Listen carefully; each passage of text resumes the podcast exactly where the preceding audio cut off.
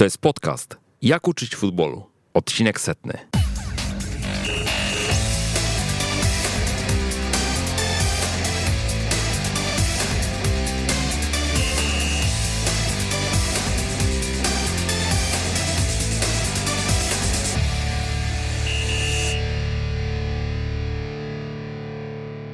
Przemysław Mamczak. I Paweł Szymański. Witamy w setnym odcinku Jak uczyć futbolu.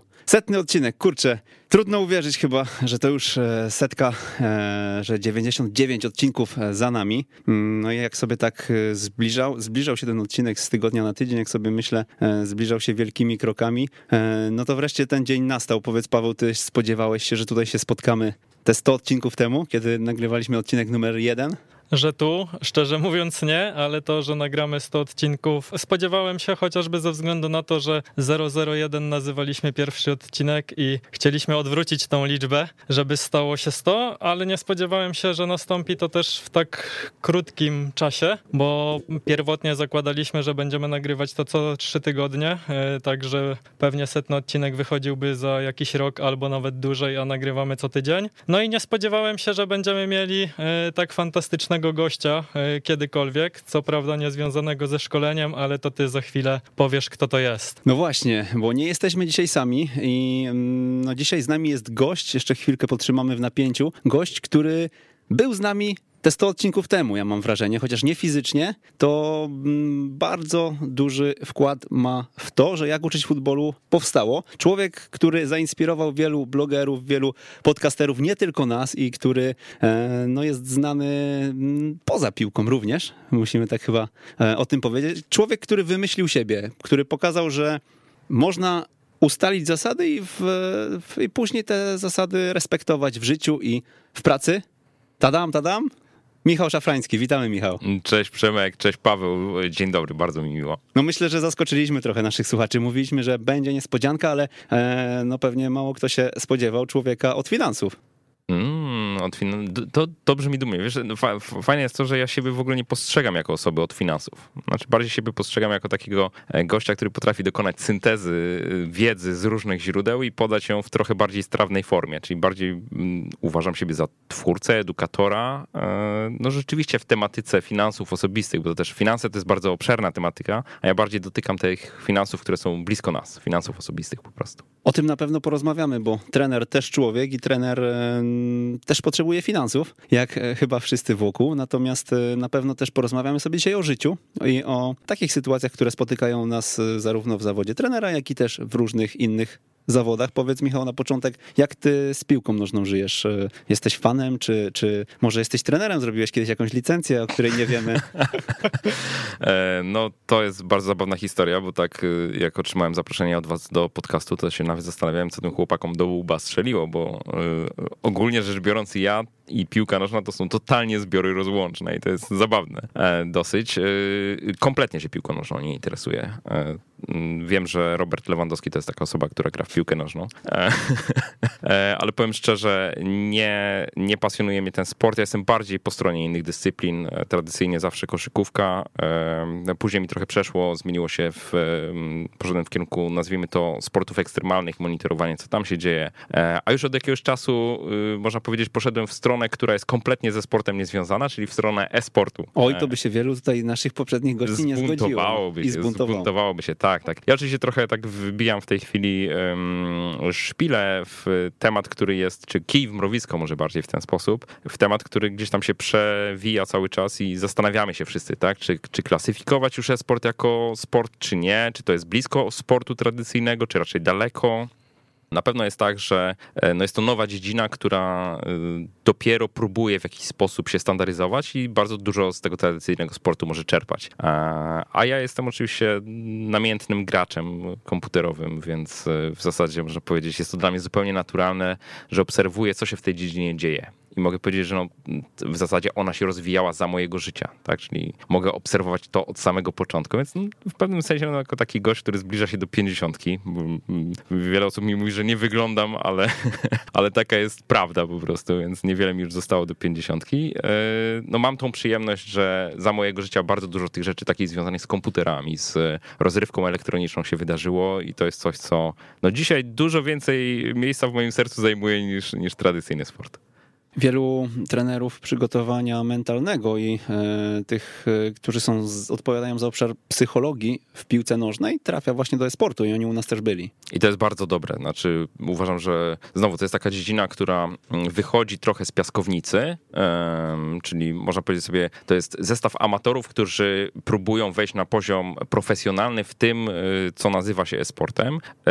No i oni potrzebują, mówię o zawodnikach, ci zawodnicy potrzebują profesjonalnej obudowy. Oni potrzebują potrzebują i trenerów, i kadry, która będzie wokół, która będzie dbała również o ich stronę mentalną. Zaryzykuję również stwierdzenie, że potrzebują również specjalistów z innych dziedzin. Podobnie jak w tradycyjnym sporcie, dzisiaj jak, nie wiem, młody koszykarz w drafcie jest wybierany do drużyny, to on przechodzi bardzo kompleksowy zestaw e, szkoleń na różne tematy, nie tylko związane z e, fizyką, czy, czy z uprawianiem sportu jako takiego, czy z psychologią, tylko także związane z tym, jak sobie poradzić z nadmiarem pieniędzy pieniędzy, których może się spodziewać, na przykład w, w tej swojej karierze sportowej, tak? Także to, to, są, to są wszystko ważne wątki i myślę, że mm, e-sport, podobnie jak kiedyś sport, no będzie się bardzo w tym kierunku rozwijał, profesjonalizował i te, ta wiedza, cały ten know-how, który jest dostępny po stronie e, sportu tradycyjnego, tak bym to zdefiniował, e, będzie bardzo, w zasadzie już jest bardzo potrzebny e, po stronie sportów elektronicznych. Przebranżowiłeś się kiedyś. Mm, nie będziemy tutaj przytaczać Twoich historii, bo one są dostępne na Twojej stronie i e, no myślę, że też wielu słuchaczy je zna. Natomiast e, gdybyś miał doradzić coś e, naszym słuchaczom, trenerom właśnie, co by to było? Bo mm, no wielu jest takich, którzy grali w piłkę być może na jakimś poziomie półprofesjonalnym, być może mm, zajmowali się czymś około piłki, bądź totalnie są w innym miejscu, są w korporacji i chcą z niej uciec, bo od zawsze zawsze pasjonowali się piłką, chcą na tą piłkę postawić. Mm, wiemy, że no my tutaj gościmy akurat takich ludzi, którzy e, często z tym e, miewali w przeszłości problem, ale e, może, może ktoś, kto jest na takim rozdrożu, dzisiaj usłyszy od ciebie coś dobrego. Myślę, że nie ma jednej takiej dobrej odpowiedzi, która pasowałaby do wszystkich. Jakbym miał generalizować, to powiedziałbym, że bardzo ważne jest, żeby słuchać siebie i rozumieć siebie i swoje potrzeby i też swoje możliwości. Pewnie ważny jest też kierunek, z którego ta osoba przychodzi, że tak powiem, do, na to stanowisko trenerskie, tak? A czy to rzeczywiście jest wyjście z korporacji, gdzie mieliśmy już okazję w korporacji zbierać pewne doświadczenia biznesowe, mieliśmy już okazję uczyć się od innych i mamy trochę takiego bardziej, powiedziałbym, marketingowego, marketingowo-biznesowego spojrzenia na siebie również, na to, jaki jest nasz potencjał, jeżeli chodzi o y, na przykład po przejściu już na, na, na drugą stronę barykady, czyli zostanie, zostanie trenerem, y, w jaki sposób my możemy dbać również o nasz wizerunek, w jaki jaki sposób możemy się promować, w jaki sposób możemy poszerzać czy docierać do tych osób, które potencjalnie powinny być naszymi usługami zainteresowane. E, z drugiej strony, no jeżeli mamy piłkarza, który e, powiedzmy całą swoją dotychczasową karierę w zasadzie poświęcał na to, żeby doskonalić się w tym fachu, e, no to też warto, jeżeli mu w ogóle do głowy przychodzi to, że za chwilę ta kariera być może się będzie kończyła, jest czas na jakiś kolejny etap, no to żeby się dobrze zastanowić nad tym, jak się za to zabrać. Bo będzie mu na pewno tych takich umiejętności marketingowo-biznesowych brakowało, bo nie miał szansy tego dotknąć. Zazwyczaj był obudowany osobami, które mu w tym pomagały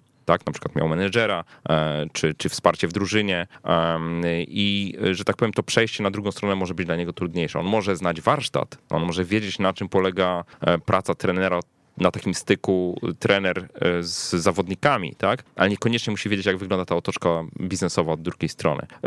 Ja myślę, że jedne i drugie doświadczenia są ważne i to, co powiedziałem o tym słuchaniu siebie, to jest pioruńsko ważne, dlatego że wydaje mi się, żeby, że najgorsza rzecz, jaka może być, to jest utknąć w jakimś miejscu, w którym my się znajdujemy w takim poczuciu stopniowo narastającej frustracji. Czyli powiedzmy, nie wiemy tak naprawdę, jak ten kolejny etap rozpocząć. Kiedy jest dobry moment na to, żeby dokonać tego przejścia na drugą stronę barykady, tak? I tkwimy w tej sytuacji, w której jesteśmy, jednocześnie coraz bardziej będąc sfrustrowani tym, że nic się nie zmienia. Nie? Y, ja mam y, taką, jak, jakbym miał zasugerować pewne rozwiązanie, to to jest takie rozwiązanie, które mi się doskonale sprawdzało w, y, przy kilku zmianach e, ścieżki zawodowej, która się w mojej historii dokonała, to jest takie postawienie sobie pytania, czy ta praca, którą dzisiaj wykonuję, czy ja ją chcę wykonywać za 5 lat. Jeżeli nie, nie ma takiej definitywnej odpowiedzi, że tak, to znaczy, że coś jest, e, coś jest niehalo. Później można sobie skrócić ten termin i zapytać, no dobra, ok, skoro nie za 5 lat, to czy pytanie, czy jeszcze za 2 lata bym chciał robić to samo, co robię teraz? Czy w ogóle widzę w tym miejscu, w którym jestem, jakieś miejsce też do własnego rozwoju? I znowu, jeżeli odpowiedź jest nie, to tak naprawdę to jest ostatni dzwonek, żeby podjąć jakąś decyzję o jakiejś zmianie. Oczywiście od takiej decyzji typu, no kurczę, muszę się ruszyć z tego miejsca do tego, żeby ten krok wykonać, no to jest, jest też jakiś proces, tak, bo mentalnie chociażby musimy się do tego przygotować. Finansowo też pewnie się musimy do tego przygotować, bo to jednak y, jest skok na głęboką wodę za każdym razem. No, ale, że tak powiem, historycznie mi się to doskonale sprawdzało, tak, czyli jak miałem takie przeczucie graniczące z pewnością, że no nie chcę być tu, gdzie jestem, to nie musiałem znać tego kolejnego etapu, po prostu zaczynałem go szukać. I mm, podejmowałem ryzyko też. No, to trzeba otwarcie powiedzieć, nie zawsze jest tak, że jak się na tą drugą stronę barykady przejdzie, to, to odniesiemy sukces. Być może trzeba będzie, będzie się cofnąć dwa kroki, żeby znowu móc pójść kilka kolejnych kroków do przodu, nie? To powiedz, bo mm, tak mi się teraz nasunęło, czy na pewno się spotykałeś z tymi pozytywnymi e, historiami ludzi, którzy, tak jak my dzisiaj Ciebie zapraszamy i tak jak mówimy o tym e, wielokrotnie, Twoje nazwisko było wspominane w tym podcaście. Pewnie nie słuchałeś, ale, e, ale my o Tobie mówiliśmy. Bardzo mi miło, dziękuję. Bo, bo, bo nie ukrywajmy, że, że wiele wzorców, które mm, można przenieść do innych branż, pokazywałeś bardzo transparentnie, otwarcie o tym mówiłeś wielokrotnie. No i teraz powiedz, czy mm, ktoś, kto Ciebie słuchał, Mhm. Nie złapał takiego, nie było takich osób, które złapało zbytniego, zbyt dużo hura optymizmu, że okej, okay, ja też to zrobię, a potem się gdzieś tam o pierwszy próg wywracali, bo nie ukrywajmy, że to przebranżowienie to jest też bardzo, bardzo dużo ciężkiej pracy, z czego ty doświadczyłeś, myślę, że my też. Tak, ale ja też myślę, że y, ja tego nie ukrywam. To znaczy, ja zawsze, gdy proponuję pójście taką ścieżką na swoje, nazwijmy to, to staram się pokazywać, jak bardzo jest to złożona sprawa. I to nie, nie złożona od strony takiej czysto organizacyjnej, tylko właśnie no, poczynając od tego, że trzeba sobie różne rzeczy w głowie poukładać, zastanowić się, mm, jak my w tej sytuacji będziemy się odnajdywać. Ja zareklamuję, że tak powiem, od razu moją książkę. Książka się nazywa Zaufanie, czyli waluta przyszłości, bo to jest taka książka, w której ja opisałem pierwszy pierwsze pięć lat y, działania mojej firmy. Od zera znaczy w ogóle od pomysłu, jeszcze przed y, powstaniem mojej własnej firmy, do momentów, kiedy ta firma rzeczywiście no, zarabiała już miliony rocznie. I y, dlaczego polecam tą książkę? Dlatego, że mm, ona otrzymała w zeszłym roku nagrodę, która się nazywa, mm, to jest nagroda w konkursie Economicus 2019, ale nagroda się nazywała Najlepszy poradnik biznesowy polskiego autora. I wiesz, ja wtedy doznałem takiego olśnienia. Mówię, kurczę, czytam wiele sam książek. Y, mm, ja swoją drogę do doskonale znam. Ja ją tylko spisałem, próbując gdzieś tam generalizować w tych obszarach, w których y, zgeneralizować się coś dało na temat prowadzenia własnej firmy, ale tak naprawdę nie miałem takiego przekonania, że to jest coś świetnego, że to jest coś dobrego. Bo my sami w sobie, jak się zastanawiamy nad na przykład krokami, które musimy wykonać, żeby być te parę kroków dalej, to my często też, y, y, można powiedzieć, dyskredytujemy samych siebie. Czyli gdzieś te nasze możliwości próbujemy minimalizować, mówimy, ale kim ja jestem, żeby tego próbować, ja na to nie zasługuję. Wiesz, a prawda jest taka, że tak naprawdę, jeżeli jesteśmy osobami pracowitymi, chcemy, możemy i potrafimy wkładać w coś wysiłek, to to prędzej czy później jakieś efekty przynosi. Ja nie mówię, że świetne, że to będzie sukces, ale systematyczna praca, takie systematyczne budowanie czegoś pomaga posuwać się do przodu. I nagle się okazuje, powiedzmy po jakimś czasie orientujemy się, tak jak mrówki pracując, po jakimś czasie orientujemy się, hola, hola, Spoglądasz w lewo, spoglądasz w prawo i patrzysz, że nikogo obok ciebie nie ma, że ci, którzy startowali razem z tobą, zostali gdzieś daleko z tyłu. Dlaczego? Bo nie koncentrowałeś się na tym, co oni robią, tylko koncentrowałeś się na tym, co ty masz do zrobienia i co masz w jaki sposób ty możesz, nie wiem, zaspokoić potrzeby swoich klientów. To, to jest taki bardzo prosty przykład, tak? Nagle się okazuje, że to cię lewaruje i popycha gdzieś tam do przodu. Więc tak, jak najbardziej. Znaczy, pytałeś mnie, czy są takie osoby, które e, pisały do mnie, że to jest, e, że, że na przykład były zbyt hura optymistycznie nastawione. Nie, ja mam bardzo dużo takich przypadków, kiedy ludzie do mnie piszą i mówią, że e, są wdzięczni za to, że uprzedzałem, że są rafy, że, że będą przeróżne rafy po drodze. To jest je, jeden przypadek. Drugi to są na przykład, teraz miałem taką niesamowitą falę ciepłych słów e, po tym, jak COVID nam wybuchł, czyli marzec, kwiecień, maj. E, ogrom życzliwych maili od osób, które na przykład wdrażały pewne sposoby działania, jeżeli chodzi o finanse osobiste, budowały poduszkę finansową, jakby te swoje oszczędności, przygotowywały się, nazwijmy to, na chude lata, tak? I teraz dopiero zaistniała ta sytuacja, kiedy one zobaczyły, że to ma sens.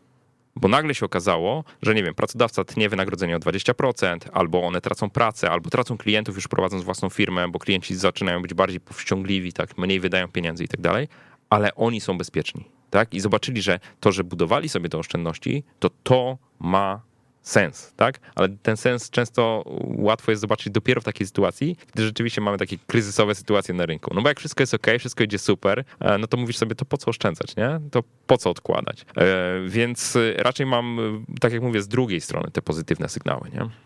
Ja tak mm, myślę, że to, to, co mówisz, bardzo rezonuje też z naszymi słuchaczami, bo mm, często podkreślam to, że jeśli ktoś nas słucha co tydzień i poświęca półtorej godziny na audycję o szkoleniu i chce się rozwijać, to podejrzewam, że większość ludzi mm, teraz po prostu tego głowami. nie robi, tak. E, tak, ale myślę, że te osoby, które słuchają, e, to, są, to są ludzie, którzy faktycznie, faktycznie od ciebie również mogą czerpać i mogą poczuć taki bodziec, e, żeby, żeby pójść do przodu. E, już puszczam Paweł, ale ja chcę jeszcze tylko powiedzieć, że Master It, jeśli chodzi o e, książki, zaufanie, czyli waluta przyszłości, polecaliśmy nawet w naszym wyzwaniu książkowym e, dla każdego twórcy, dla każdego, kto tworzy jakiś fanpage na Facebooku, a wiemy, że są też trenerzy, którzy e, budują różne, mm, różne strony w oparciu o taktykę, o właśnie przygotowanie mentalne, no to polecamy mm, kilka takich, kilka takich tipów na pewno można stamtąd wyciągnąć, które przeniesie się jeden do jednego się do swoich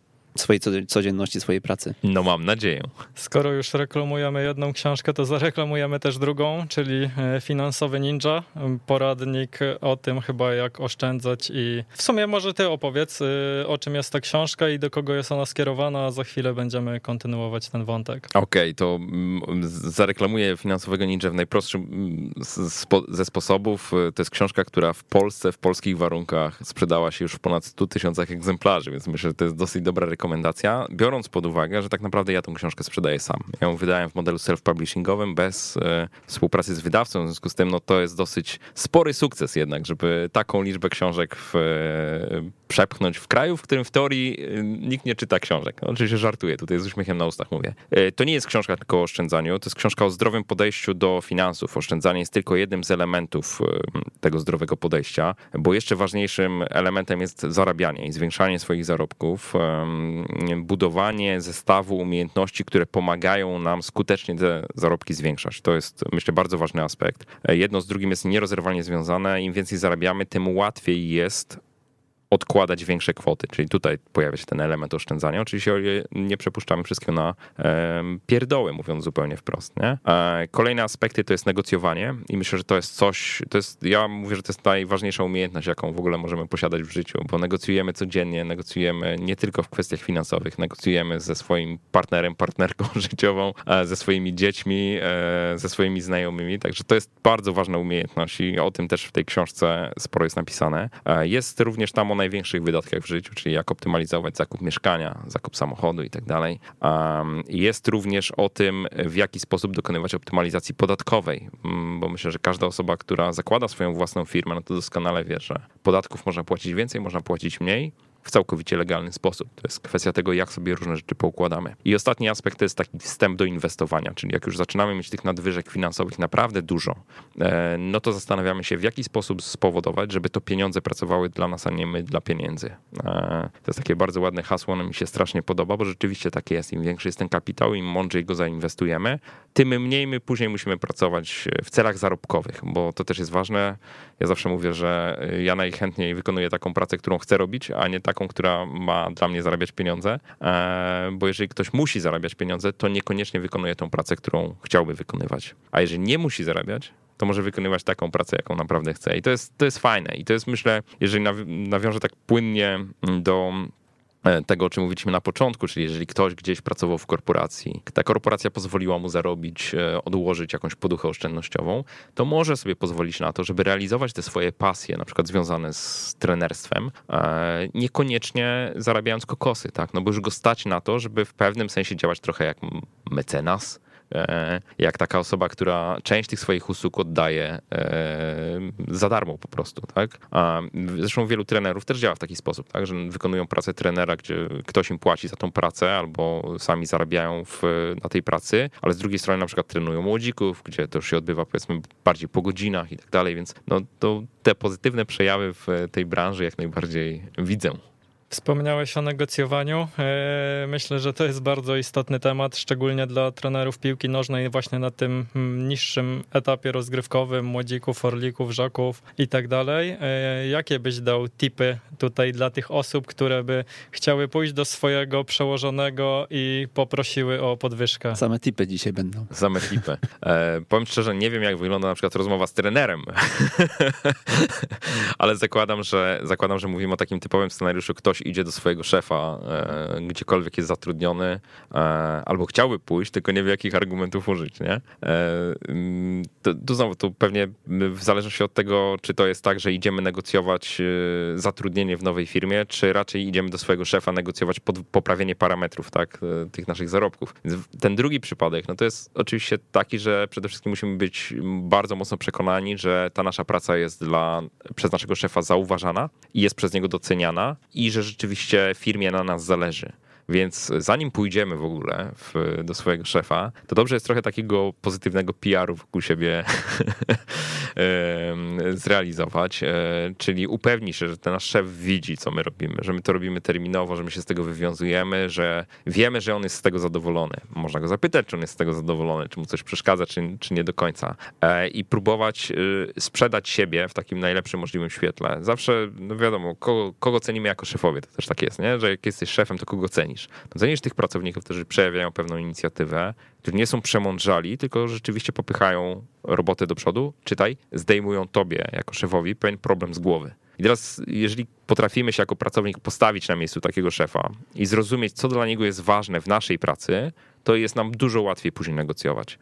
Ja działałem w taki sposób, że no jakby nigdy nie szedłem na rozmowę z moim szefem wtedy, kiedy wiedziałem, że jest coś y, nie tak, że, że jest jakaś sytuacja napięta. No, nawet nie chodziło o mnie, tylko że generalnie szef jest nie w danym momencie w jakimś innym kontekście, po prostu nie ma dla mnie czasu. Tak? Więc też warto zadbać o to, żeby to otoczenie do rozmowy o pracę, y, o, powiedzmy o podwyżce, e, było w takim dobrym otoczeniu. Też warto szefa przygotować, czy nie warto go zaskakiwać tym na pewno, czyli tak naprawdę uprzedzić, że właśnie o tym chcemy rozmawiać, rozmawiać, a nie, że przychodzimy na pogaduchy, nie? Bo mm, no nie ma nic gorszego niż zaskoczenie, jakaś taka reakcja nerwowa po drugiej stronie, ewentualnie typu rany przyszedł, w ogóle spodziewałem się czego innego, a y, on mi będzie tutaj marudził o podwyżce. No I zawsze warto mieć jakieś argumenty w ręku, tak? Taki jeden z lepszych argumentów, jaki można sobie wyobrazić, to jest to, że przychodzicie, bo macie jakąś kontrpropozycję od kogoś. Aha, gdzie poszliście na rynek, przekonaliście się, że rynek was wycenia na ileś tam złotych, wy zarabiacie dzisiaj mniej, idziecie do swojego szefa i mówicie, e, mój drogi, no sytuacja wygląda tak, że jakby no chyba cenisz moją robotę i tak dalej, zobacz, ale jest taka no, niezręczna sytuacja, jakby jestem lojalny, chcę ci powiedzieć o tym wprost, w związku z tym to wygląda w ten sposób, że no wiesz, no próbują mnie podkupić. E, i dostałem świetną ofertę, szczerze mówiąc, no pewnie gdybym nie brał innych czynników pod uwagę, to po prostu bym z niej skorzystał, no ale zależy mi na tym, żeby być tutaj, e, robić to, co robię, ewentualnie robić jeszcze więcej. Zastanówmy się razem, co możesz zrobić, co możemy razem zrobić, żeby żebym zarabiał więcej po prostu, żeby ta oferta była wyrównana albo przebita. Nie? Mam nadzieję, że cenisz to, co robię i tak dalej. Albo zobacz, ile projektów zrobiłem mm, w ciągu ostatniego półrocza, e, ile to pieniędzy firmie przyniosło i tak dalej. No wiadomo, zależy to też od stanowiska, bo nie każdy ma możliwość wykazania się na swoim stanowisku, tak? Niemniej jednak, no to jest, ta, to jest ten kierunek, e, którym warto podążać, bo wtedy taki szef ma naprawdę trudny orzech do zgryzienia. Czytaj, jeżeli jesteście dobrym pracownikiem, i widzicie, że jakby, że to nie jest tak, że macie kaprys i przychodzicie po podwyżkę, tylko jest to czymś umotywowane i jeszcze dodatkowo wasze wyniki to potwierdzają, no to trzeba się nad tym tematem pochylić, tak? Bo, no bo albo za chwilę was straci, nie? No albo rzeczywiście być może można wam podnieść wynagrodzenie i, i, i zostaniecie. Więc jakby no, też można takie sytuacje obracać na swoją korzyść, pokazując, że jednak jesteśmy lojalni, zależy nam na tym, e, próbujemy się zawsze dogadać. To też tak jest, że nie przychodzimy, nie rzucamy papierami na, na stół i mówimy odchodzę, bo płacisz mi tam 10% za mało.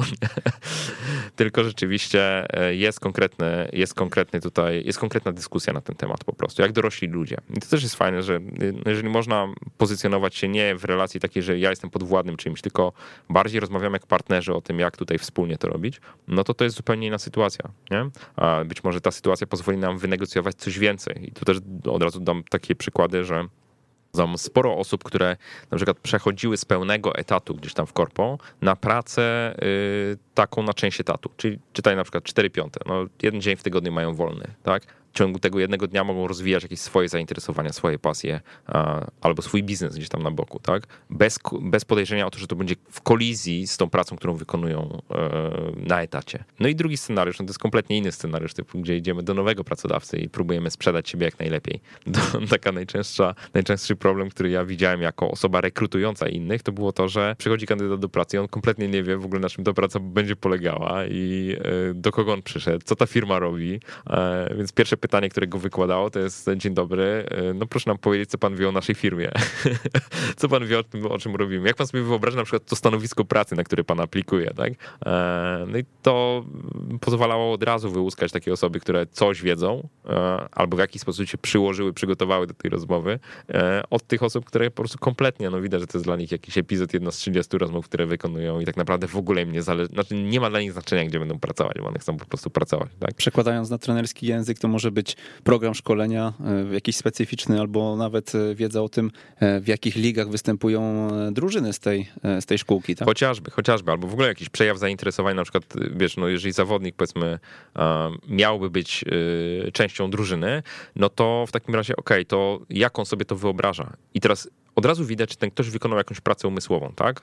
Czy on na przykład rozumie, że okej, okay, tyle a tyle czasu trzeba poświęcić na trening fizyczny, tutaj coś tam jeszcze i tak dalej. No, ja akurat nie wiem, z czego się składają te komponenty, więc jakby trudno mi jest tutaj konkretne przykłady podawać, ale wydaje mi się, że każdy trener doskonale potrafi, w zasadzie ma taki zestaw pytań, który zadaje e, potencjalnemu zawodnikowi, po to, żeby zweryfikować go, nie? sprawdzić, czy to jest dobry, e, powiedziałbym, taki nieoszlifowany diament, tak? E, czy zadatek na taki diament, nie?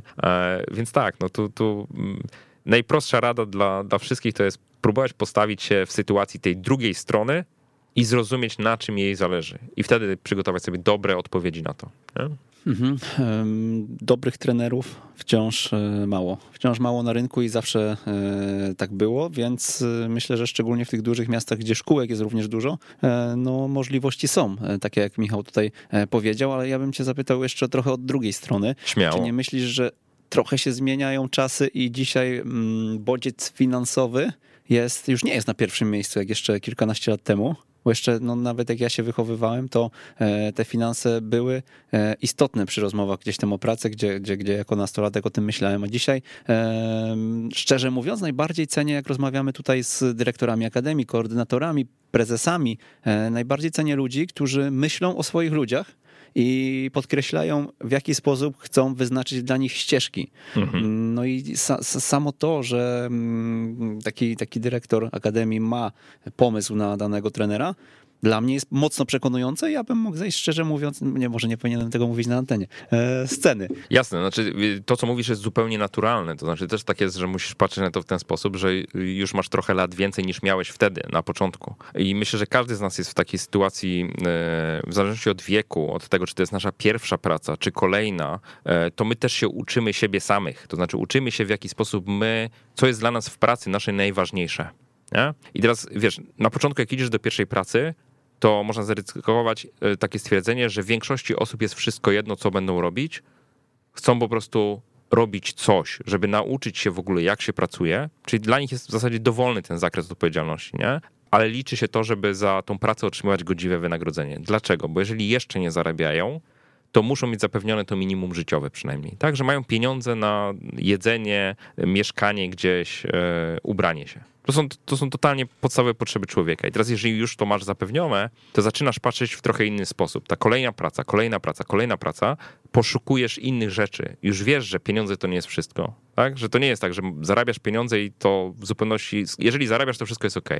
Tak? No tak nie jest. Znaczy szukamy tych innych czynników. Piramida Maslowa. Właśnie, żeby praca była dla nas interesująca, żeby osoby wokół nas były osobami fajnymi, tak? Fajne środowisko pracy. I jakby im bardziej te inne potrzeby zaczynają być istotne, tym bardziej jesteśmy w stanie poświęcić ten aspekt finansowy, bo wiemy, że tak naprawdę na ten pakiet wynagrodzenia naszego składa się wiele czynników i pieniądze są tylko jednym z elementów, nie? Więc to jest trochę też taka ewolucja pracownika. I teraz im bardziej z kolei jesteś zabezpieczony finansowo, czytaj na przykład no, dam taki przykład z, skrajny. Jeżeli jest y, młody zawodnik, który ma zapewniony byt, rodzice za wszystko płacą, e, ma zapewnione mieszkanie, wiesz, ma zapewnione świetne warunki życia, to on może nie pracować dla pieniędzy. Nie? To on wtedy realizuje tą swoją pasję. Pytanie też, czy na, wiesz, na ile to jest jego pasja, na ile to jest pasja rodziców, która nie została zrealizowana i gdzieś tam jest przenoszona na dziecko, bo to różnie bywa, nie?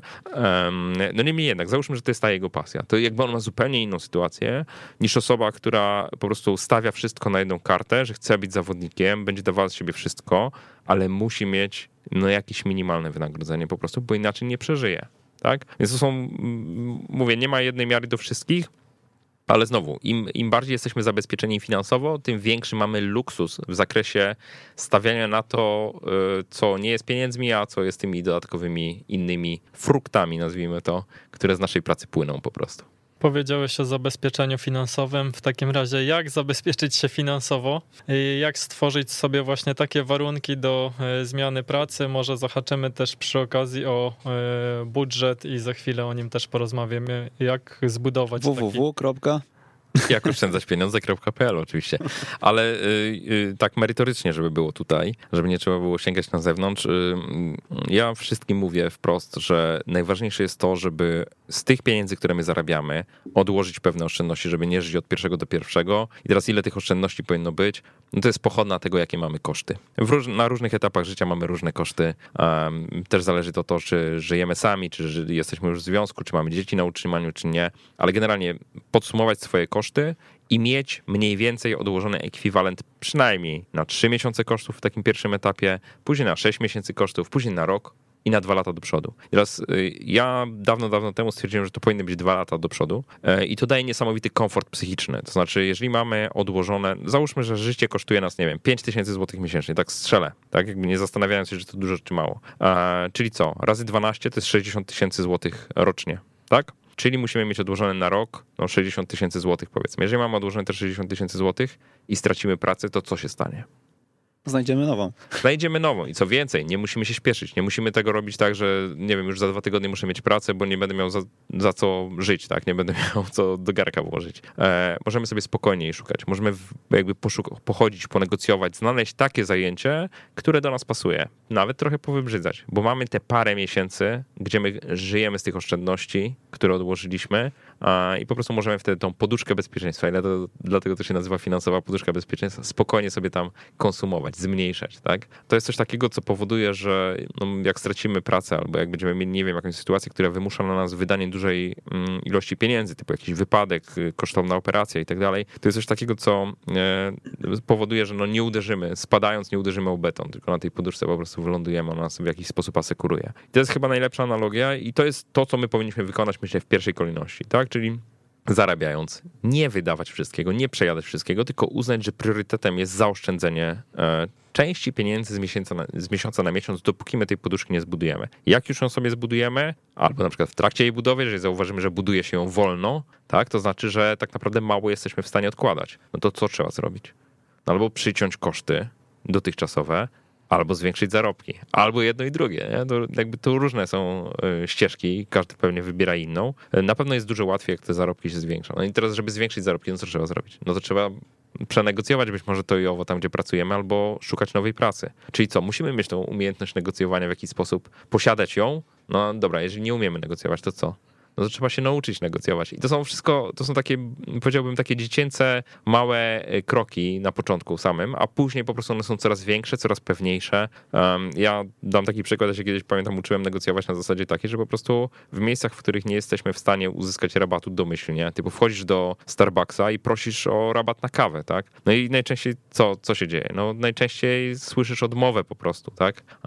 I to też jest e, ważny element procesu, bo trzeba się nauczyć e, akceptować akceptować porażki. I myślę, że w sporcie, akurat jeżeli mówimy o sporcie, to jest absolutnie kluczowe. Tak? To nie jest ważne, czy, czy się wygrywa, czy przegrywa. Ważne jest, czy saldo tych, y, jakby bilans tych wygranych i przegranych jest korzystny dla nas. Starbucks to takie trochę mm, no, bardzo duże wyzwanie, żeby wyjść ze strefy komfortu, ale myślę, że OLX jest dobrym e, miejscem, żeby potrenować negocjacje. Tak, tylko też trzeba y, się nauczyć tego, żeby używać odpowiedniej argumentacji, nie? Bo wiesz, y, panie daj rabat, to jest trochę niepoważne. Ale czasami nie? działa.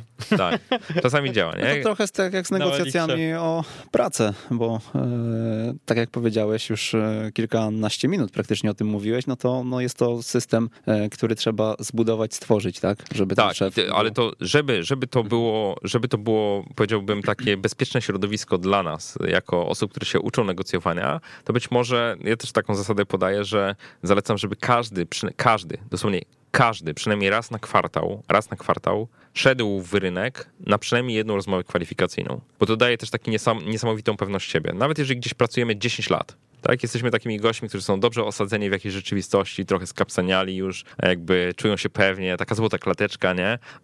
To jednak, żeby pójść kilka razy do roku na rozmowę kwalifikacyjną gdzieś na rynku, przypomnieć sobie, jak się rozmawia jako potencjalny pracownik z przyszłym potencjalnym pracodawcą, to nie jest tak, że my się musimy zgodzić. Nawet jak wynegocjujemy świetne warunki, to w ostatniej chwili możemy powiedzieć, że jednak się rozmyśliliśmy, nie? Dopóki nie, nie podpiszemy umowy kolejnej, to jakby tematu nie ma, nie? E, I oczywiście ktoś może powiedzieć, ojej, to jest zajmowanie czasu e, rekruterom z drugiej strony. No tak, ale z drugiej strony to jest też to, że my się lepiej, z każdy, każda taka rozmowa szkoli nas. Ona nas przygotowuje do tego, żebyśmy tą właściwą rozmowę, kiedy naprawdę kiedyś będziemy chcieli zmienić pracę i będzie nam zależało, żeby dostać ją u konkretnego pracodawcy, przeprowadzić w taki sposób, który da nam szansę na powodzenie po prostu, tak? Więc w pewnym sensie no, to jest taki trening, który musimy wykonać. Zdecydowanie polecam wszystkim.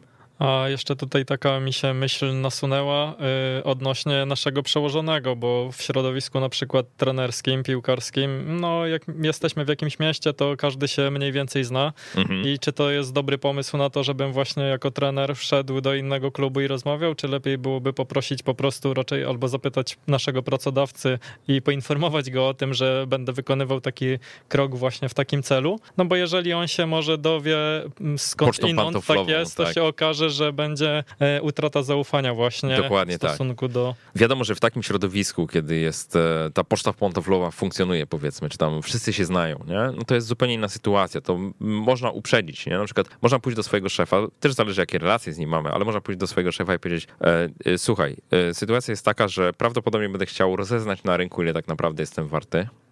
A trochę poćwiczyć sobie. I oczywiście szef może się zbuntować, ale to co to? Chcesz odejść? No, odpowiedź wytrawnego negocjatora jest taka, no wiesz, no rozważam wszelkie scenariusze. Oczywiście chciałbym zostać, nie? Ale to też jest tak, że no wiesz, pracuje się za pewne wynagrodzenie i jednak no już nie pamiętam, kiedy ostatnio dostałem podwyżkę, nie? Także y, znowu to jest fajny pretekst do tego, żeby też uczyć się, jak tego typu sytuacje rozgrywać, jak je rozbrajać trochę z uśmiechem na ustach, jak balansować na tej takiej cienkiej linie, tak? Gdzie z jednej strony mamy zaufanie, ale z drugiej strony jednak no to jest biznes. To co by nie mówić, to wiesz, to, to nie jest tak, że to jest rodzina na zawsze, nie? Że to jest tak, że to jest biznes. Po jednej stronie jest ktoś, kto nas zatrudnia w jakimś konkretnym celu, po drugiej stronie jesteśmy my, którzy też realizujemy jakieś swoje własne cele. Być może dla nas jest to etap na pewnej drodze. Ja pamiętam, też będzie taka dygresja, ja pamiętam, jak byłem taką osobą, która rekrutowała kiedyś programistów i był taki, no jest taki, nazwijmy to typ pracownika, który przychodzi na rozmowę kwalifikacyjną i mówi, sytuacja wygląda tak i tak, podoba mi się wasza firma, chcę tu pracować i tak dalej, i tak dalej, ale będę tu pracował maksimum dwa lata. I dla mnie, jako przyszłego szefa, jest to fair postawienie sprawy. Znaczy, ktoś mówi, jaką on ma agendę i jakby nie ukrywa jej, tak? Nie, nie próbuje tego gdzieś schować, zatrudnić się i powiedzmy, nie wiem, po roku odejdzie, nie? Tylko od razu wykłada kartę na stół i mówi lojalnie, taką mam strategię życiową, że w każdym miejscu pracuję nie dłużej niż dwa lata, po prostu zależy mi na tym, żeby czerpać, uczyć, zbierać doświadczenia w różnych miejscach, po prostu być coraz bardziej wartościowym pracownikiem i tyle po prostu, nie? To jest granie w otwarte karty. Ja wtedy też jako pracodawca jestem w stanie zupełnie inaczej to, do tego podejść, tak? Czyli traktuję człowieka bardziej projektowo, że są konkretne projekty, w których on uczestniczy, ale prawdopodobnie w kolejnych już nie będzie uczestniczył. Więc to też pomaga inaczej zorganizować pracę. I zobaczcie, no, to wszystko polega na pewnej transparentności, tak? Czyli jeżeli jesteśmy uczciwi z jednej strony, znaczy inaczej, jeżeli po dwóch stronach są uczciwe osoby, nie? albo wyczujemy, że jakby możemy liczyć na wzajemność tej uczciwości, to warto wykładać karty na stół. Dlaczego? Dlatego, że wtedy też czasami rodzą się fajniejsze rozwiązania, niż nam samym by przyszły do głowy. Znaczy, co dwie głowy to nie jedna, też tak jest, nie? E, I można fajne różne scenariusze wypracować, tak? Na przykład, ok, to mamy jakiś tam taki projekt, w którym twoje umiejętności mogą być przydatne, albo na przykład, czy jesteś w stanie e, pójść na taki scenariusz, że owszem, deklarujemy się tam powiedzmy na maks dwa lata, ale w przypadku, kiedy będę miał naprawdę interesujący projekt, to czy będziesz w stanie również się go podjąć, nie? Już po tym czasie na przykład. To są takie rzeczy, które rodzą się poprzez dyskusję. I też myślę, ważne jest, żeby te dobre relacje po prostu z jednej strony mieć, a z drugiej strony budować, tak? Stale na bieżąco poprawiać, e, bo y, cokolwiek byśmy nie mówili, to branża jest mała E, I to każda branża jest mała i prędzej czy później może się okazać, że po latach trafiamy dokładnie na tą samą osobę i to jest zupełnie inna relacja, nie? E, kiedyś to na przykład my byliśmy szefem, a teraz to my jesteśmy tym, który e, aplikuje do niego w jakimś innym kontekście i po prostu te role się odwróciły. W związku z tym ja zawsze mówię, że no, ludzi należy traktować po prostu ok, bo może się okazać, że po prostu na, na każdego, kto jest cwaniakiem, prędzej czy później znajdzie się jeszcze większy cwaniak. No. A Michała, powiedz, bo branża trenerska, jak pewnie każda inna, ma swoją specyfikę, natomiast większość pozycji na rynku w szkółkach e, piłkarskich to jednak praca dorywcza. Mhm. To jest praca dodatkowa. Tak. Żeby się dostać na pełen etat do, do jakiegoś klubu, e, czy to już na tym najwyższym poziomie, czy do jakiegoś sztabu właśnie na najwyższym poziomie, czy do akademii na najwyższym poziomie, no na pewno nie wejdzie się z ulicy, prawda? No i powiedz, czy mm, zalecałbyś młodym E, inaczej, jak znaleźć taki złoty środek pomiędzy mm, inwestowaniem w siebie i rozwojem w kierunku trenerskim, hmm. a właśnie finansami, bo no, załóżmy, że trener w szkółce pracując zarobi 1000 zł, mhm. no on potrzebuje na życie więcej, e, więc jak to Marek Śledź mawia, rozwozi pizzę po godzinach, tak? E, no i teraz wiadomo, że on rozwozi tę pizzę, ale mógłby w tym czasie dokonać analizy jakiegoś meczu, mógłby coś przygotować, mógłby przeczytać jakąś książkę, Mm, stricte związaną właśnie z tym tematem, czyli mm, przyspieszyć swój rozwój i szybciej do tej akademii dotrzeć, prawda, docelowo. No i tutaj dochodzimy do bardzo istotnego aspektu, czyli ogólnie zastanawiania się nad tym, gdzie w tej branży są pieniądze, kto jest e, potencjalnym klientem, czyli osobą, która zapłaci nam te pieniądze, jakie my problemy tej osoby, która może nam te pieniądze zapłacić, my tak naprawdę jesteśmy w stanie rozwiązać. Bo w gruncie rzeczy biznes sprowadza się do tego, że ktoś dla kogoś rozwiązuje jakiś problem odpłatnie. To tak, taka jest definicja no, tutaj wymiany, powiedzmy, usług i towarów, nie? A, więc tak to wygląda. I teraz y, znowu, y, można pójść na taką, tak, można pójść tą ścieżką pierwszą, którą wymieniałeś, tak? Mało zarabiam jako trener, w związku z tym dorabiam sobie w branży, która mnie kompletnie nie interesuje, bo tam są pieniądze, tak? E, albo można próbować pójść taką ścieżką, że po godzinach jednak rozwijam te własne kompetencje, w pewnym sensie inwestuję, ale jednocześnie staram się szukać klientów poza moim głównym pracodawcą, tak? Czyli tych osób, które są w stanie mi drobne kwoty zapłacić, które być może sumują się do kwot łącznie większych niż to, co zarabiam jako trener. Tak? E, I wydaje mi się, że ten drugi kierunek jest dużo taki fajniejszy, bo jednak to jest bardziej koncentracja na tym, co robimy i zdobywanie, e, budowanie tej swojej ekspertyzy, ale też podwyższanie swojej wartości na rynku pracy, na, na tym konkretnym rynku pracy. Tak? Bo wyobraźmy sobie taki scenariusz, no, że jest trener rzeczywiście, który zarabia te, ten tysiąc złotych, trzymajmy się tego, zarabia ten tysiąc złotych e, i jednocześnie no, musi z czegoś żyć. To ok, część czasu przeznacza na dorabianie, tak jak powiedzieliśmy, rozwożeniem pizzy, e, znowu trzymając się tego przykładu, e, ale niech to nie będzie codziennie. Niech na przykład dwa dni w tygodniu wykorzysta na to, żeby budować swoją pozycję jako trener, żeby na przykład dobrze opisać, na czym polega jego praca, to może być w różnej formie, czy to będzie blog, czy to będzie strona www, na której on jakby prezentuje swoje umiejętności, czy to będzie nawet wymiana wiedzą w obrębie grup, które są na Facebooku, tematycznych, tak? E, po to, żeby pokazywać, że on jest osobą, którą, która na przykład tę wiedzę konkretną ma, czy jakiś konkretny obszar specjalizacji ma i poszukiwać potencjalnych klientów, niekoniecznie nawet w tym miejscu, w którym on się znajduje, tylko właśnie wykorzystać to, że mamy dostęp do internetu dzisiaj wszyscy i tak naprawdę klientów możemy mieć w dowolnym miejscu w Polsce czy na świecie. Nie? Ja wiem, że to może brzmieć strasznie skomplikowanie, ale jeżeli spojrzycie nawet na moją działalność, to dokładnie tak to wyglądało na samym początku. Ja poświęciłem czas pracując na etacie, poświęciłem rok na to, żeby zacząć prowadzić bloga na temat finansów osobistych. Proste porady oszczędnościowe dotyczące właśnie aspektów związanych z negocjowaniem i tak dalej. I można powiedzieć, to było kompletnie oderwane od tego, co ja robiłem w mojej pracy zawodowej. Ja byłem szefem rozwoju, dyrektorem do spraw rozwoju w firmie informatycznej. Projekty informatyczne realizowałem, a na blogu sobie pisałem o finansach. Tak? I to takich bardzo banalnych finansach. I to jest dokładnie ten kierunek, który można wykonywać. Ale stopniowo zaczęły się pojawiać, przez to, że ja publikowałem treści, które były przydatne dla innych, zaczęły się pojawiać, zaczęło się pojawiać zainteresowanie. Zaczęły się też zgłaszać firmy, które na przykład były zainteresowane, zainteresowane przeprowadzeniem szkolenia dla pracowników z zakresu finansów osobistych. To były pierwsze pieniądze, które ja zarobiłem w ogóle na blogu, czyli znowu, wcale nie zarobiłem ich działalnością w internecie, tylko działalność w internecie służyła mi wyłącznie do pozyskania klientów. Ok? I teraz, gdyby to przełożyć taki na, na grunt taki trenerski, jaki zestaw umiejętności posiada trener, który może być sprzedawany na przykład przez internet? Tak? Być może gdzieś po drugiej stronie jest ktoś, kto chciałby mieć indywidualne zajęcia. Tak? A być może jest ktoś, kto chciałby mieć indywidualnie ułożony jakiś program rozwoju fizycznego, tak? albo coś, co stanowi, nazwijmy to jakiś wstęp do treningu, niekoniecznie taki, który musi być realizowany osobiście, bo wtedy mamy, jakby znosimy tą barierę odległości, czyli możemy pracować z klientami, którzy no nie, pracu, nie pracujemy z nimi bezpośrednio, tak? Możemy się komunikować przez internet. Zobaczcie, w czasach COVID-a, jak nam się bardzo zmieniło, jak nagle okazało się, jak wiele spotkań osobistych, które były dotychczas, jak wiele z nich jest zbędnych. Tak, że możemy się komunikować przez e, Zooma, przez, nie wiem, tam jakiś Microsoft Teams, jakieś takie rozwiązania, gdzie my siebie widzimy na kamerze, a niekoniecznie musimy mieć kontakt osobisty. Ba, nawet wiem, że były osoby typu, nie wiem, e, trener rozwoju osobistego, tak, które podglądały, jak tam klientki czy klienci robią ćwiczenia, jak wykonują ćwiczenia, czyli nawet jakby zdalnie jesteś w stanie korygować niewłaściwą postawę, czy cokolwiek, czy, czy wykonywanie ćwiczeń. Czyli można, nie? To nie jest coś takiego, że to jest, e, to jest kwestia raczej wymyślenia, w jaki sposób my chcemy to robić, niż to, że rzeczywiście istnieje jakaś fizyczna bariera, także to musi być zawsze kontakt osobisty, że jak ja się spotykam z drużyną, to muszę fizycznie być tam razem z nimi, nie? Jest pewnie sporo aspektów pracy z drużyną, które mogą być wykonywane jeden na jeden i niekoniecznie z taką e, osobistą obecnością.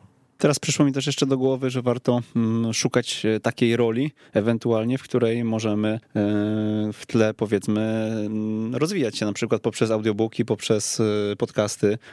To na bo, pewno. Bo znaczy nawet ten, ten przy tej pizzy, prawda, jeżeli tak. mamy trochę czasu spędzamy w samochodzie, no to Jak odpowiednio się... idealna. Tak jest, odpowiednio się przygotowując do tego i, i szykując się wcześniej do pracy, no chłoniemy kolejne treści, a to jest wbrew pozorom często zabójczo rozwijające, bo mówi się o tym, że jesteśmy sumą pięciu osób najbliższych, e, z którymi spędzamy najwięcej czasu, a skoro spędzamy czasami z jakimś podcasterem najwięcej czasu właśnie w tym samochodzie, no to on jest jedną z tych pięciu osób po tak, jakiś, na, jakimś czasie. To na pewno rozwija i to też tak jest, to też wiem na własnym przykładzie. No wiesz, ja pamiętam, że e, też taki bardzo prosty przykład, że kiedyś szykowałem się do maratonu, więc musiałem tam nabiegać ileś tam kilometrów i yy, pamiętam, że po prostu wkurzało mnie, że marnuję czas znaczy w tym sensie trening taki fizyczny, jeżeli nie możesz wykonywać niczego innego, no to z mojej perspektywy to było marnowanie czasu, nie?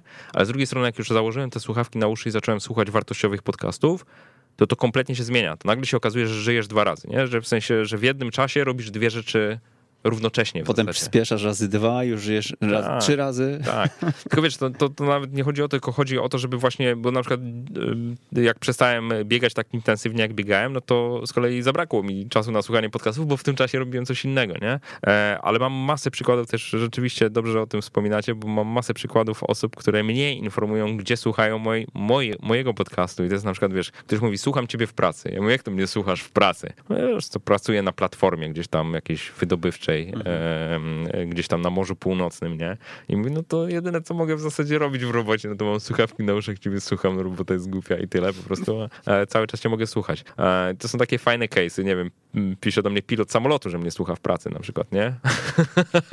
Bo oni większość wbrew pozorom latają na tych autopilotach, więc mhm. jakby może sobie pozwolić na to, żeby mnie słuchać w pracy. No i to są takie fajne przykłady, nie? Że nawet wykonując czynności, które są e, takie czasochłonne, i teoretycznie bezproduktywne, e, jesteśmy w stanie tam coś własnego wepchnąć.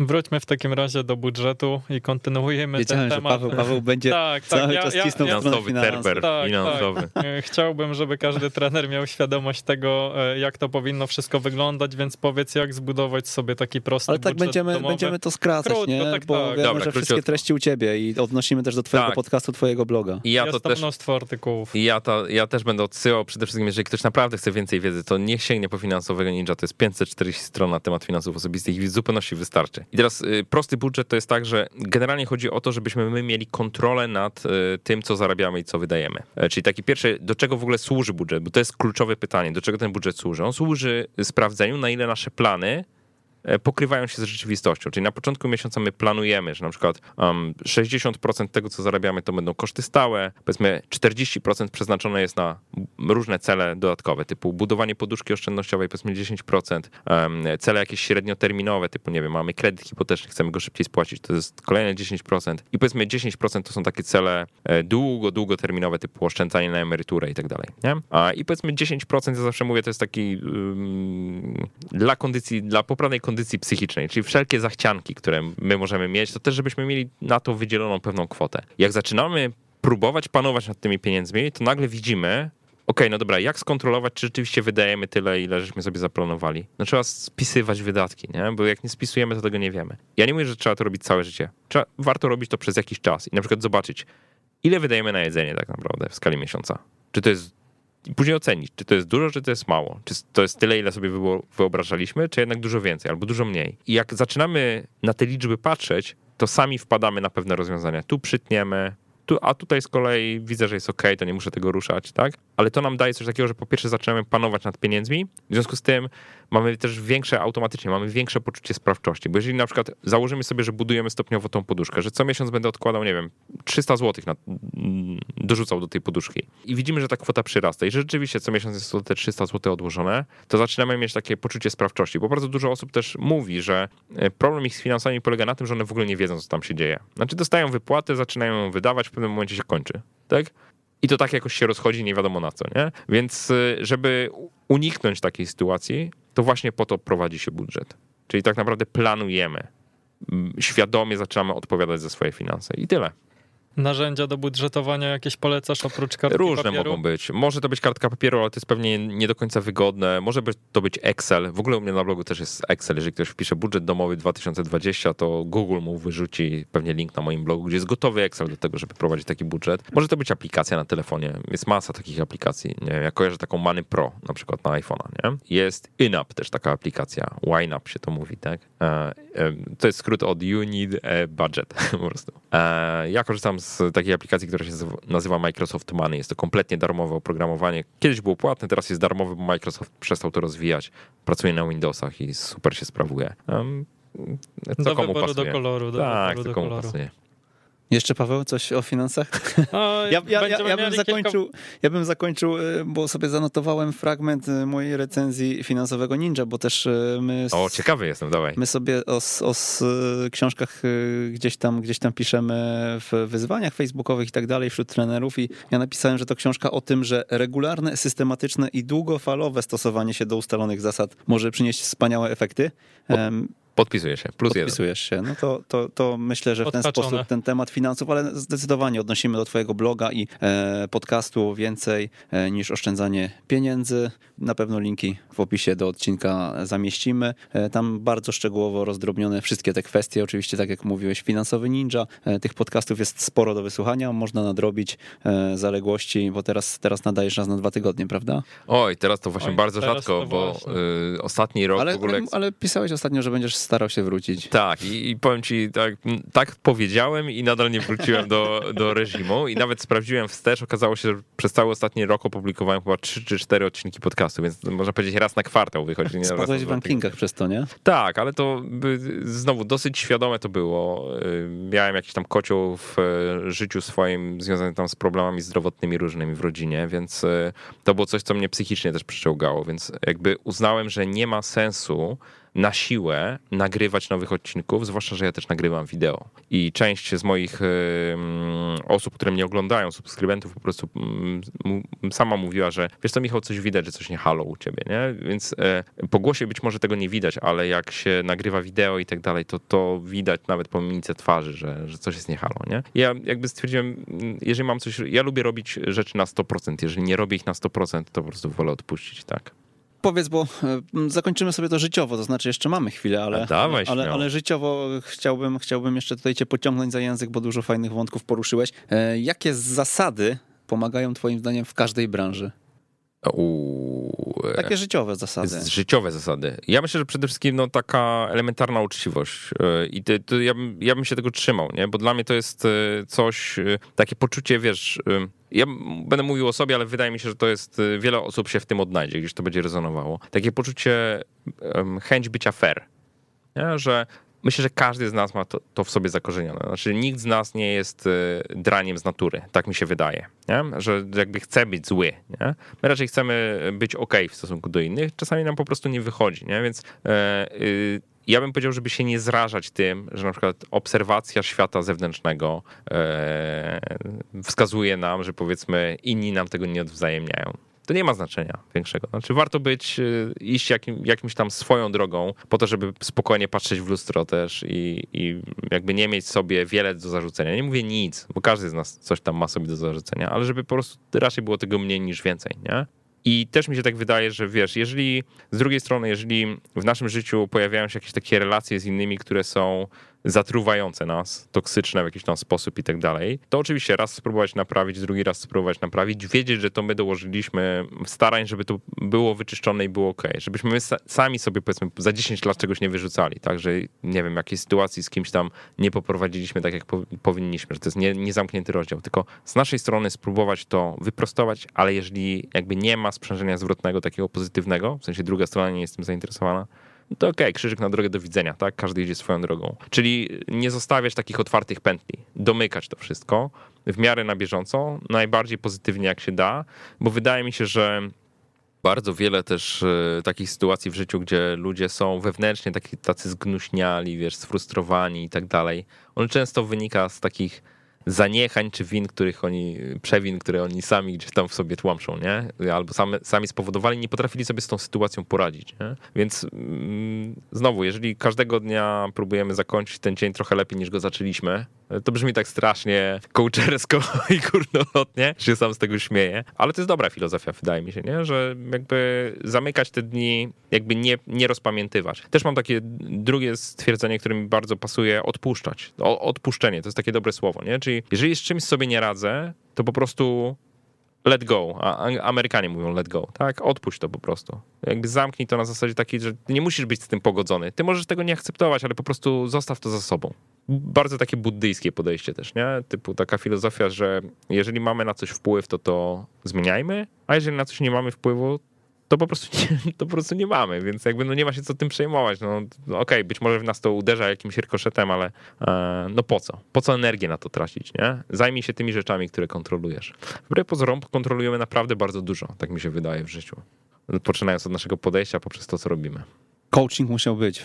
Kurde, Dla trenerów, dla trenerów piłki nożnej musi być e, coaching, nie? No coach, coach, mamy Zaczęliśmy, tylu. zaczęliśmy od bycia fair, nie? I na tym możemy skończyć. No jakby to, to się wszystko sprowadza do bycia fair w stosunku do siebie i do innych. A nie pamiętam, gdzie usłyszałem to pytanie, ale e, jak słuchałem tego podcastu chyba u Tima Ferisa, to powiedziałem sobie, muszę, muszę je zadać. Mhm. E, zrobiłeś coś w życiu wyłącznie dla pieniędzy? Eee, mm, wydaje mi się, że nie. To znaczy, jak sięgam pamięcią, to nie mam takiego y, niczego w pamięci, co byłoby robione wyłącznie dla pieniędzy, ale to trochę wynika z tego, że ja zawsze robiłem rzeczy, które chciałem robić. I to te, też jakby ta wewnętrzna, znaczy y, moja wewnętrzna taka motywacja do działania to jest, że ja chcę robić rzeczy fajne. Te, które są dla mnie fajne w danym momencie. No wiadomo, że co innego było fajne dla mnie 10 lat temu, a co innego fajne jest teraz, nie? Ale to jest ta główna motywacja i też u mnie jest taka głęboko zakorzeniona wiara i dzisiaj to nie jest tylko wiara, tylko to jest, ja mam na to masę dowodów, że jeżeli robisz coś, co lubisz robić, to robisz to dużo lepiej, a jak robisz to dużo lepiej, bo jesteś dużo bardziej zaangażowany. A jak jesteś dużo bardziej zaangażowany, to też prawdopodobnie masz lepsze efekty, niż jakbyś tego zaangażowania nie miał. A z kolei, jeżeli masz efekty, to prędzej czy później pieniądze to są takim skutkiem ubocznym tego, że robisz coś dobrze. Robisz coś, co jest potrzebne innym. E, Inni w jakiś sposób chcą ci to wynagrodzić. To nie zawsze są pieniądze dla jasności, nie? E, I też uważam, że uważam, że te inne, e, że tak powiem, rzeczy, na przykład takie poczucie satysfakcji z dobrze wykonywanej roboty, czy uznanie zewnętrzne dla twojej roboty, że ktoś ci powie, że ty robisz dobrą robotę, nie? To jest coś, co jest dużo ważniejsze od pieniędzy. Oczywiście, łatwo mi mówić, bo te pieniądze mam. Jak ktoś pieniędzy nie ma, to zupełnie inaczej na to patrzy pewnie. E, ale jest naprawdę bardzo dużo prawdy w powiedzeniu, że pieniądze szczęścia nie dają. Oczywiście każdy się chcę o tym przekonać, ale e, no, można mieć olbrzymie stosy pieniędzy i nie być szczęśliwym człowiekiem, nie? To jakby inne rzeczy nas definiują. Pieniądze są tylko środkiem do celu pewnego i te cele my możemy mieć różne, być może część z nich jest kosztowna i chcemy, po prostu potrzebujemy pieniędzy, żeby je realizować, no ale te pieniądze nie są celem samym w sobie, tak mi się wydaje.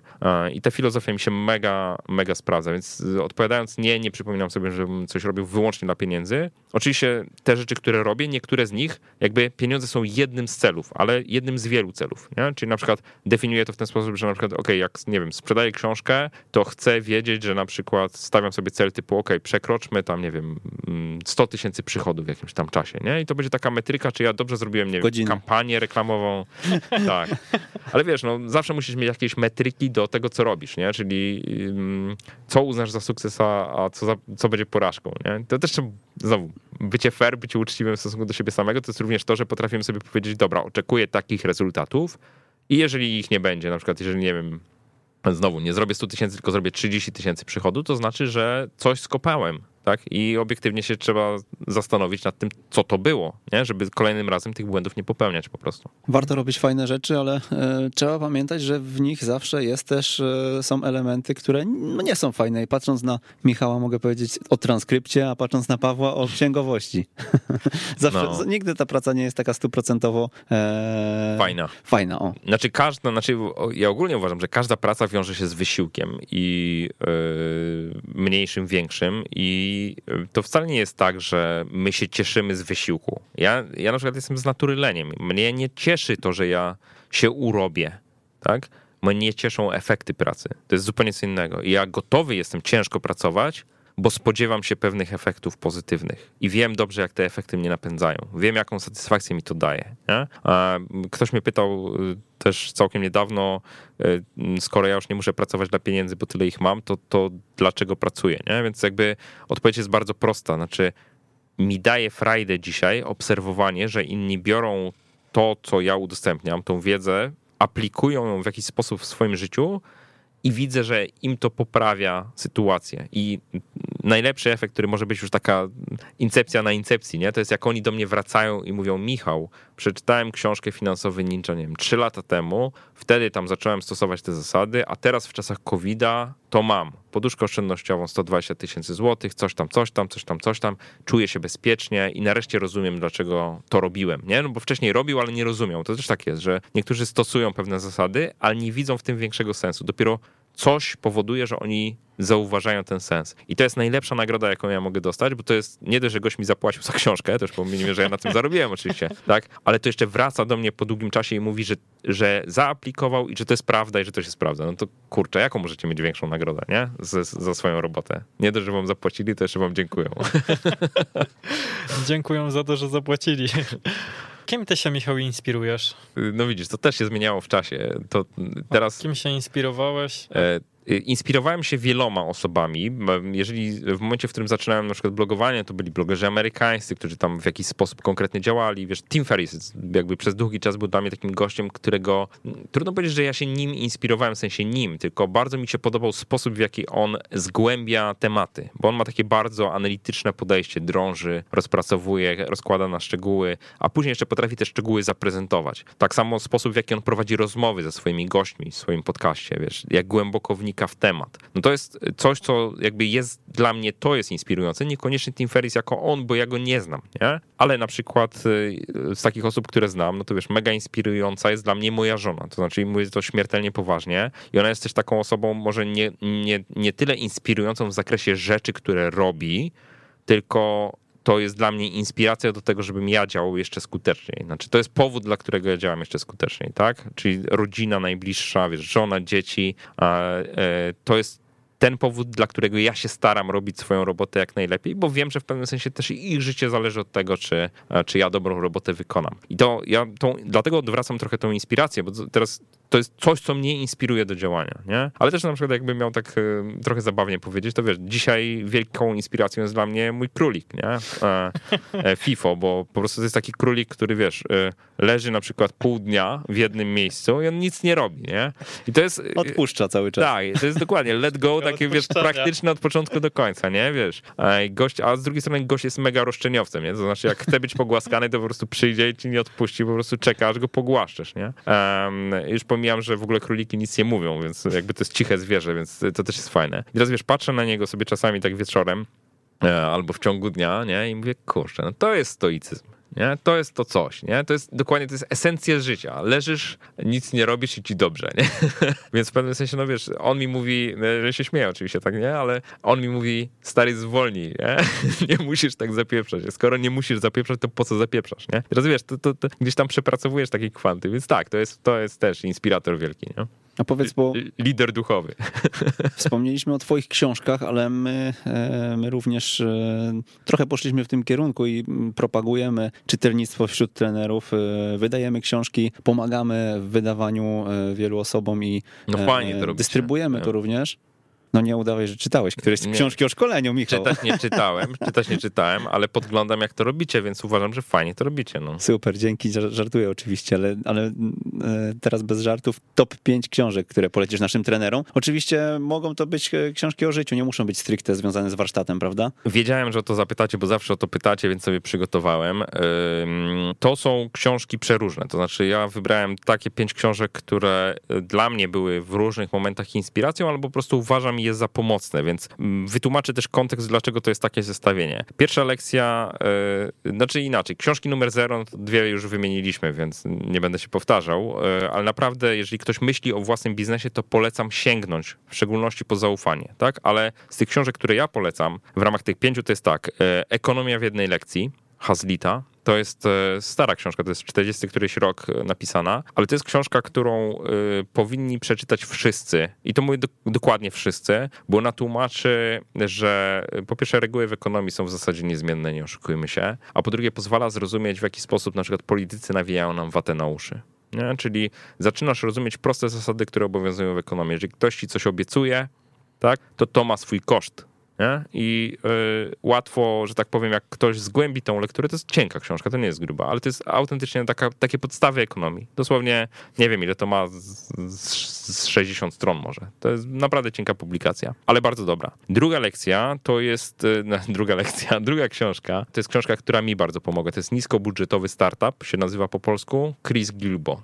E, Jeżeli ktoś chce przeczytać oryginał, to się nazywa 100 Dollar Startup. I to jest y, książka, która pokazuje dosłownie, jak ze 100 dolarami, e, stuma, stoma, stoma, stuma, e, jak z setką dolarów w kieszeni e, otworzyć własny biznes. I że to jest możliwe i że y, tam są przykłady osób, którym się to już udało e, które po prostu dosłownie za nic zbudowały własną firmę i pokazuje też potęgę internetu. Właśnie jak nisko kosztowo docierać do innych, jak zdobywać klientów. To była książka, która mi pomogła wystartować z blogiem, bo ja wtedy na jej podstawie uwierzyłem, że to jest możliwe. Nie? E, Trzecia książka to jest z kolei drugi biegun. Nazywa się Zero to One. To jest książka Petera Tilla. Książka o budowaniu monopolii. I ja jestem, w, jeżeli spojrzycie na moją działalność, to ja w wielu obszarach jestem monopolistą książkę Finansowy Ninja kupicie tylko w moim sklepie internetowym, zawsze w stałej cenie. Nie mam presji na obniżenie ceny, bo nikt ze mną nie konkuruje i tak dalej. I jak się jest monopolistą, to jest najlepsze, co może być. Oczywiście konsumenci nie lubią monopoli, nie? Ale z, dru- z drugiej strony warto myśleć o sobie jako o kimś, kto buduje pozycję monopolistyczną w swoim obszarze. I teraz mówiąc do trenerów, powiem tak, że wiadomo, że trenerów jest wielu, ale każdy z was może być po prostu indywidualny w jakimś obszarze bo nikt, nie ma dwóch takich samych osób. Czyli jeżeli budujemy tą swoją markę osobistą, budujemy swój system szkoleniowy, potrafimy go w jakiś sposób opakować, to to jest nasza unikalna wartość. Nikt nam tego nie ukradnie. Jak dobrze to zrobimy, to nikt nam tego nie ukradnie. Bo nawet jeżeli by skopiował, e, to, to już inna osoba będzie. To już nie będziemy my. Nie? Z, naszymi, z naszymi doświadczeniami, z naszymi referencjami i tak dalej, i tak dalej, i tak dalej. Więc świetna książka, żeby sobie w głowie tak poukładać w drugą stronę. Aczkolwiek tutaj też warto zaznaczyć o tym, jak wartościowa jest synergia często, bo oni tam opisali tak. przykład z Wizą chyba, tak? Z, czy z Mastercardem. Kiedy Dokładnie, duopol na rynku. Kiedy mm, PayPal osiągnął tak naprawdę największy skok. Dokładnie tak. Właśnie wtedy, kiedy, kiedy oni podjęli współpracę, okazało się, że jedni i drudzy wtedy zostali tymi... Mon... Wylewarowani w górę, tak. Razem, ale... razem zostali wspólnie monopolistami, tak? Tak, Można ale tak no duopol. Albo nie? duopolistami. Duopol. E, no ale to się do tego też sprowadza właśnie. To, to, mówię, ta książka jest fajna, bo ona też pomaga spojrzeć w różny sposób, jak zacementować swoją pozycję na rynku, niekoniecznie solo tylko właśnie zacementować pewne status quo, gdzie innym będzie bardzo trudno wejść. E, po prostu, jeżeli, nie wiem, będzie dwóch, trzech e, silnych dostawców na rynku. Nie? E, dobrze, czwarta książka to jest z kolei element równowagi. To jest książka esencjonalista po polsku, czy esencjalista, przepraszam. Mm -hmm. przepraszam. Ja czytałem w oryginale, to się essentialism nazywa. Greg McHugh to napisał i to jest książka o tym. Jest druga też taka książka, którą napisał Gary Keller, nazywa się One Thing. I ta One Thing jest zdecydowanie bardziej popularna, ale z kolei ja mm, wolę zdecydowanie ten essentializm. To jest jak skupić się na realizacji tego, co jest najważniejsze ignorując całą resztę i wyrzucając, świadomie jakby wycinając rzeczy, które nie są istotne. To jest coś, na przykład mi bardzo dużo osób też mówi, że jak ja realizuję swoje projekty, to one mi się zawsze udają i tak dalej. Ludzie zastanawiają się, jak to możliwe, że ja w pojedynkę takie rzeczy robię. E, no, prawda jest taka, że to jest bardzo mocno według tej filozofii. Ja tą książkę przeczytałem parę lat temu, ale ja tak już działałem, więc ona jakby ugruntowała u mnie, że to moje podejście nie jest złe, że ono jest w gruncie rzeczy dobre, tak? Stawiamy na jedną kartę pchamy i po prostu musi się udać, nie? A później przełączamy się na inny temat, na inny temat, na inny temat. No ona jest y, bardzo, y, wciąga szczególnie taka zajawka, jak ją wprowadziłeś na przykład, ale, tak. ale ona jest cholernie trudna, jeżeli chodzi o wprowadzenie w życie. Tak, tak, tak. Znaczy y, ja, ja powiem tak, no z mojej perspektywy to było coś, co utwierdzało mnie, że to, co ja robię, to jest dobre podejście, więc ja jakby tej bariery nie miałem. Znaczy uznałem, okej, okay, gość opisuje, tutaj niektóre detale są takie, które rzeczywiście nawet nie skojarzyłem, że można je sobie tak interpretować, bo tak tak czasami jest, że my podświadomie różne rzeczy robimy, a dopiero później ktoś mówi, nazywa to i wtedy się dowiadujesz, że to, co ty robisz, to w ogóle ma nazwę, nie? no, więc to jest taka, ta, taka lektura. I piąta książka, ostatnia, ale nie mniej istotna od pozostałych, to jest książka Giving 2.0. Giving to, to Zero. Mm, autorka to jest Laura nie pamiętam właśnie nazwiska, ale y, okej, okay, Giving to Zero to jest książka o dobroczynności. E, o dobroczynności właśnie takiej 2.0. W sensie jak to robić, e, co to znaczy e, mądra dobroczynność, jak robić dobroczynność bez przekazywania pieniędzy, bo to też jest e, pewien sposób działania, tak? Czyli jak zmieniać ten świat trochę na lepsze, bez e, niekoniecznie dając po prostu, wrzucając pieniądze do puszki, czy przekazując gdzieś tam organizacjom pozarządowym, nie? Bo tych obszarów takich, gdzie ta pomoc jest potrzebna, jest bardzo, bardzo dużo i każdy z nas w zasadzie w jakimś tam obszarze może się realizować E, wcale nie takim dużym kosztem, nie? Tylko jakby wnosząc swój know-how. Więc y, też polecam, bo myślę, że mm, akurat w branży trenerskiej bardzo wiele osób to są takie osoby, które po prostu mają głęboko zaszytą potrzebę dzielenia się swoją wiedzą, kształcenia następnych pokoleń, e, wychowywania ludzi, y, znaczy inaczej wychowywania zawodników, nie tylko na zawodników, ale też na ludzi po prostu, na dobrych ludzi, nie? I kierujących się w życiu pewnym kodeksem honorowym, e, pewnymi standardami i tak dalej. W związku z tym to taki next level do, do, do przeczytania po prostu. Jakbyś miał wymienić trzy cechy, e, które spowodowały, że osiągnąłeś wolność finansową, e, to co by to było? Po pierwsze szczęście. Wiem, że wiele osób powie, e, tam pracuje dużo, to jakby nie ma czynnika szczęścia. Jest potrzebne szczęście w życiu.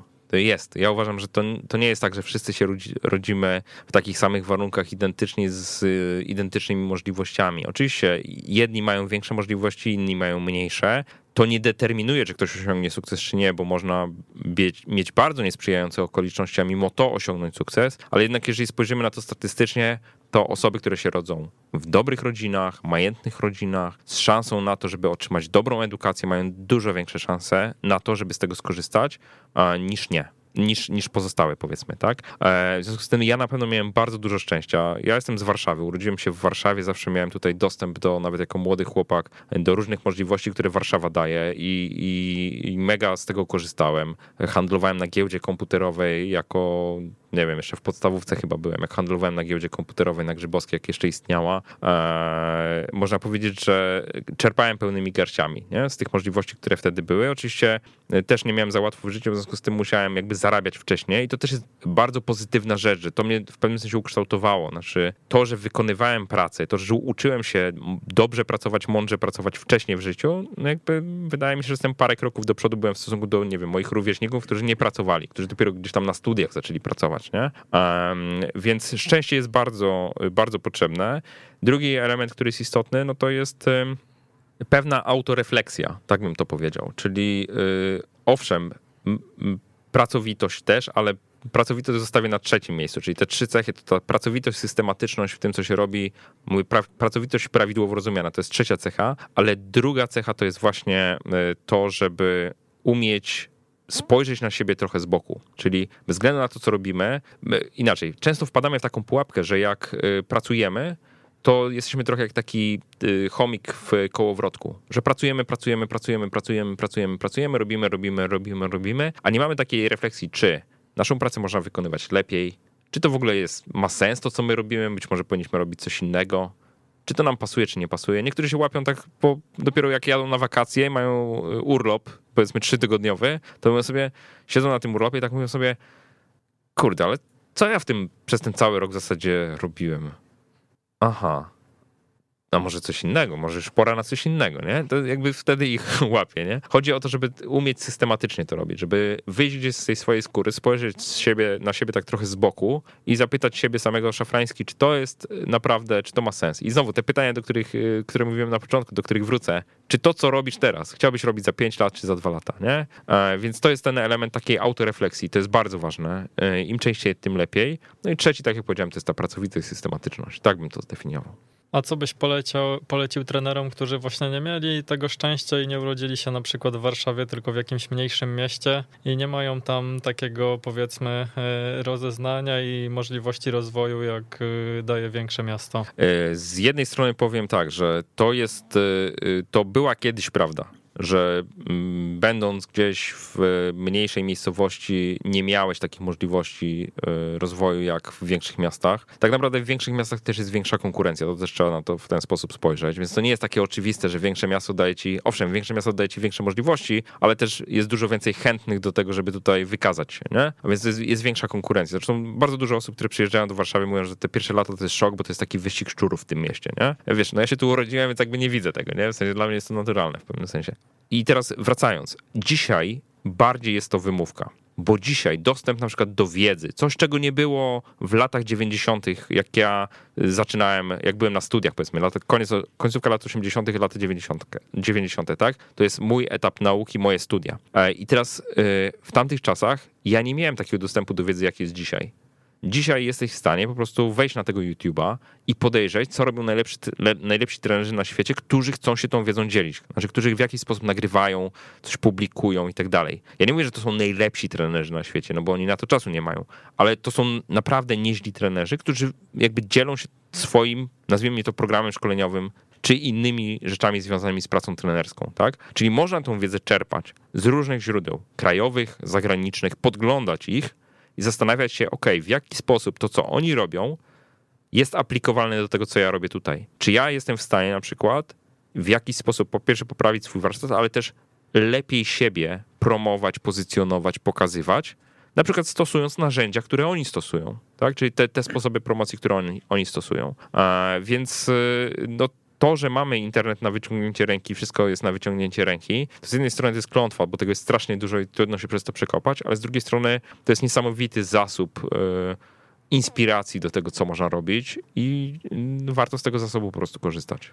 A jak ty właśnie filtrujesz wiedzę e, i jej zdobywanie, biorąc pod uwagę fakt, że jest tak dużo, właśnie taki duży dostęp do tego wszystkiego, nie? Internet to jest coś takiego, gdzie treści jest no masa.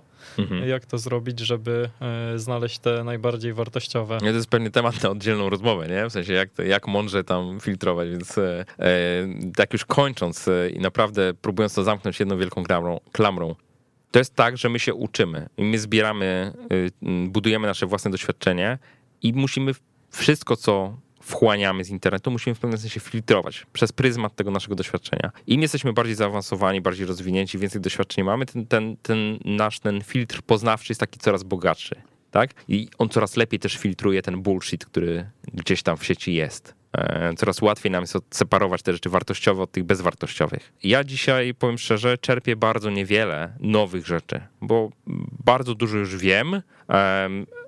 Jestem z natury leniwy, więc też nie jest tak, że chcę uczyć się w nieskończoność. Dawno mi się skończył taki etap, wiesz, ćpuna wiedzowego, nie? więc wyłuskanie tych wartościowych perełek jest coraz trudniejsze. Na przykład czytając książki, czytam je czasami dla jednego, dwóch, trzech zdań, czy tam myśli, które w tej książce są, tak? Czasami jest tak, że przeczytam całą książkę i dopiero po lekturze uznaję, że to mm, no niewiele mi to dało, tak? E, no ale trzeba to robić, no bo nigdy nie wiadomo, kiedy trafisz na tą perełkę, której szukasz i takim optymistycznym akcentem może kończmy powoli. A kto, kto miał na ciebie wpływ jeszcze, powiedz e, tak szybciutko, e, największy wpływ w życiu? Żona, jeszcze raz powtórzę. Poważnie, znaczy to jest e, kobieta, która w największym stopniu mnie zmieniła i wpłynęła na to, kim jestem dzisiaj.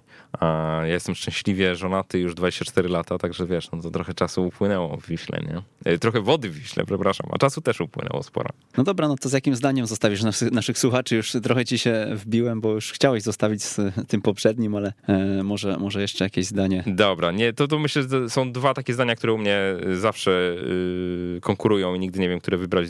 Pierwsze to jest takie, że jedyną stałą rzeczą we wszechświecie jest po prostu zmiana. I warto się do tej zmiany po prostu ją zaakceptować i chcieć, znaczy nawet pożądać zmian, bo ludzie nie lubią zmian, ale warto taką postawę wykształcić sobie, że tej zmiany pożądamy. I druga rzecz to jest e, oczywiście myśl Władysława Bartoszewskiego, którego lubię e, bardzo cytować, że e, warto być uczciwym, choć e, nie zawsze się to opłaca bo mm, tak jak on to mówił, opłaca się być nieuczciwym, ale nie warto, nie? Więc e, jakby to jest, e, myślę, taka esencja tego, co, co, co ja próbuję robić i gdzieś tam to swoje życie pod tym kątem weryfikować też najczęściej jak się da, nie? Także wszystkim życzę takiego podejścia.